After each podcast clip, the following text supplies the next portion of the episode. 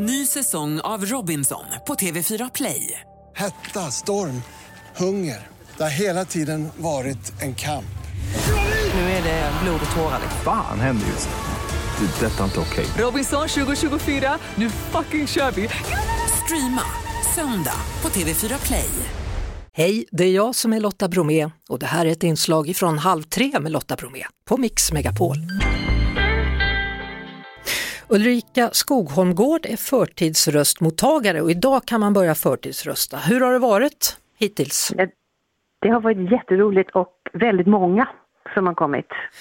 Är det inte så varje år att man får känslan av att i år är det fler än annars som förtidsröstar? Det är ju var, det är inte varje år, det är ju var fjärde år, men jag tror att man har uppfattningen om att det blir allt fler som förtidsröstar och tycker det är bekvämt, det är kul att ha gjort det. Eh, vi öppnade 11 idag här på Orionteatern och det var redan vid 10 var det några som ville komma in så det, det, det har varit jättemycket folk. Mm. Orionteatern då, eh, för er i Sverige, det ligger alltså på Södermalm i Stockholm. Eh, mm. Nytt för i år är att man kan inte vara fler än en bakom valskärmen. Mm. Det, det, nya är ju, från i år det är ju att man ska kunna välja sina röstsedlar utan att någon ser vad man väljer. Och därför så är det två stationer den här gången. Först går man till ett plats, väljer sina röstsedlar, sen får man ett röstkuvert och så går man till nästa där man sorterar det och så lämnar man in det. Så att det är en ökad, vad ska man säga, det är ökad säkerhet att man får rösta helt privat. Mm. Och sen så får man bara vara en person som står bakom den här skärmen då, skärmen då ja. i, i, i turordning. Absolut, ja, ja det är det. Då önskar jag dig lycka till med valet här framöver då, Ulrika Skogongård. Ja, tack. Tack ska du ha. tack, hej, hej. Ola Wiesö är professor i medie och kommunikationsvetenskap med specialinriktning då på valaffischer. Välkommen Ola till Halv tre med Lotta Bromé. Tack, tack. Du, hur effektiva är årets valaffischer tycker du? Jag tycker inte de är speciellt effektiva, i alla fall inte om det gäller att ge argument för varför man ska rösta på ett parti. Däremot är de ju säkert effektiva vad gäller att eh, få folk uppmärksamma på att det faktiskt är ett val. Du har ju då en inriktning som heter valaffischer. Om du jämför årets valaffischer med affischer från tidigare valår, hur står sig årets då? De är ganska slätstrukna. De eh, är gjorda över samma mall. Man ser en politiker och man har ett, eh, ja, någon typ av ganska meningslös eh, citat på det. Men väldigt ofta blir det också bara klyschor där eh, ingen som helst skulle kunna säga motsatsen till det som står på affischen. Det är mer fokus på partiledarna, så de har börjat ta mer och mer plats på affischerna de senaste valen. Och sen kan man säga att brottslighet tar ganska mycket plats också. Vad brukar du tänka då när du ser att det är fullt tapetserat överallt? Kommer du till paradiset då när du får titta på din specialitet? Mm, tyvärr inte. Jag tänker att eh, de borde väl kunna göra något mer intressant med de pengarna. Oavsett eh, politisk åsikt, då, vilket parti har absolut tråkigast affischer i årets valkampanj tycker du? Alltså, de, de som eh, både tråkigast och mest konstiga är väl kanske Moderaternas med utropstecken och frågetecken för att eh, det, det ser väldigt konstigt ut. Va, va, vad står det på dem då?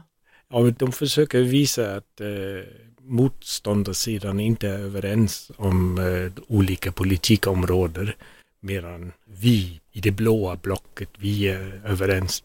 Men eh, det är väldigt svårt att uppfatta när man kör förbi dem i stan eller på motorvägen eller något. Tror du att en, en människa skulle kunna basera sitt val bara efter att ha läst årets valaffischer? Eh, kanske om man går på utseendet av politikerna, där är en som ser snäll ut. Fast eh, det brukar ju inte riktigt vara så. Folk vill gärna ha lite eh, sakkunskap, lite fakta att basera det på. Då är man illa ute om man bara tittar på valaffischerna. Är humor tillåtet? Humor är tillåtet men eh, det verkar svenska politiker vara väldigt försiktiga med. Man vill helst inte riskera att någon inte fattar vitsen. Nej. Senast man såg det var väl kanske när uh, Göran Hägglund uh, stod och stirrade stint in i ögonen på olika djur. Jaha för att visa att det var ett mänskligare Sverige. Så att han tittade på en buffel och en struts och lite annat. Hyena. Jag har inte sett den, funkade den kampanjen verkligen? Den fick i alla fall omtal. Det är väl det mesta man kan hoppas på. Ja. Hur tror du framtiden ser ut då för valaffischer, Ola? Jag tror att eh, de kommer fortsätta därför att det är det enda mediet som tränger sig på. Det är det enda som finns eh, i det offentliga rummet som man inte kan undvika det. Men samtidigt så eh, är det ingenting som tyder på att eh, partierna egentligen tror på att eh, de har någon effekt. De är mest rädda för att det ska ha en negativ effekt om man inte har affischer när alla andra har det. Så att man lägger inte riktigt ner speciellt mycket möda på att tänka ut spännande och intressanta bilder. Tack så mycket Ola Wiese, professor i medie och kommunikationsvetenskap med specialinriktning då på valaffisch. Det var det. Vi hörs såklart igen på Mix Megapol varje eftermiddag vid halv tre.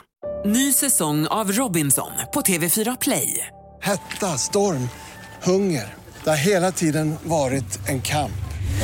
Nu är det blod och tårar. Fan händer just nu. Det. är Detta är inte okej. Robinson 2024, nu fucking kör vi! Streama söndag på TV4 Play.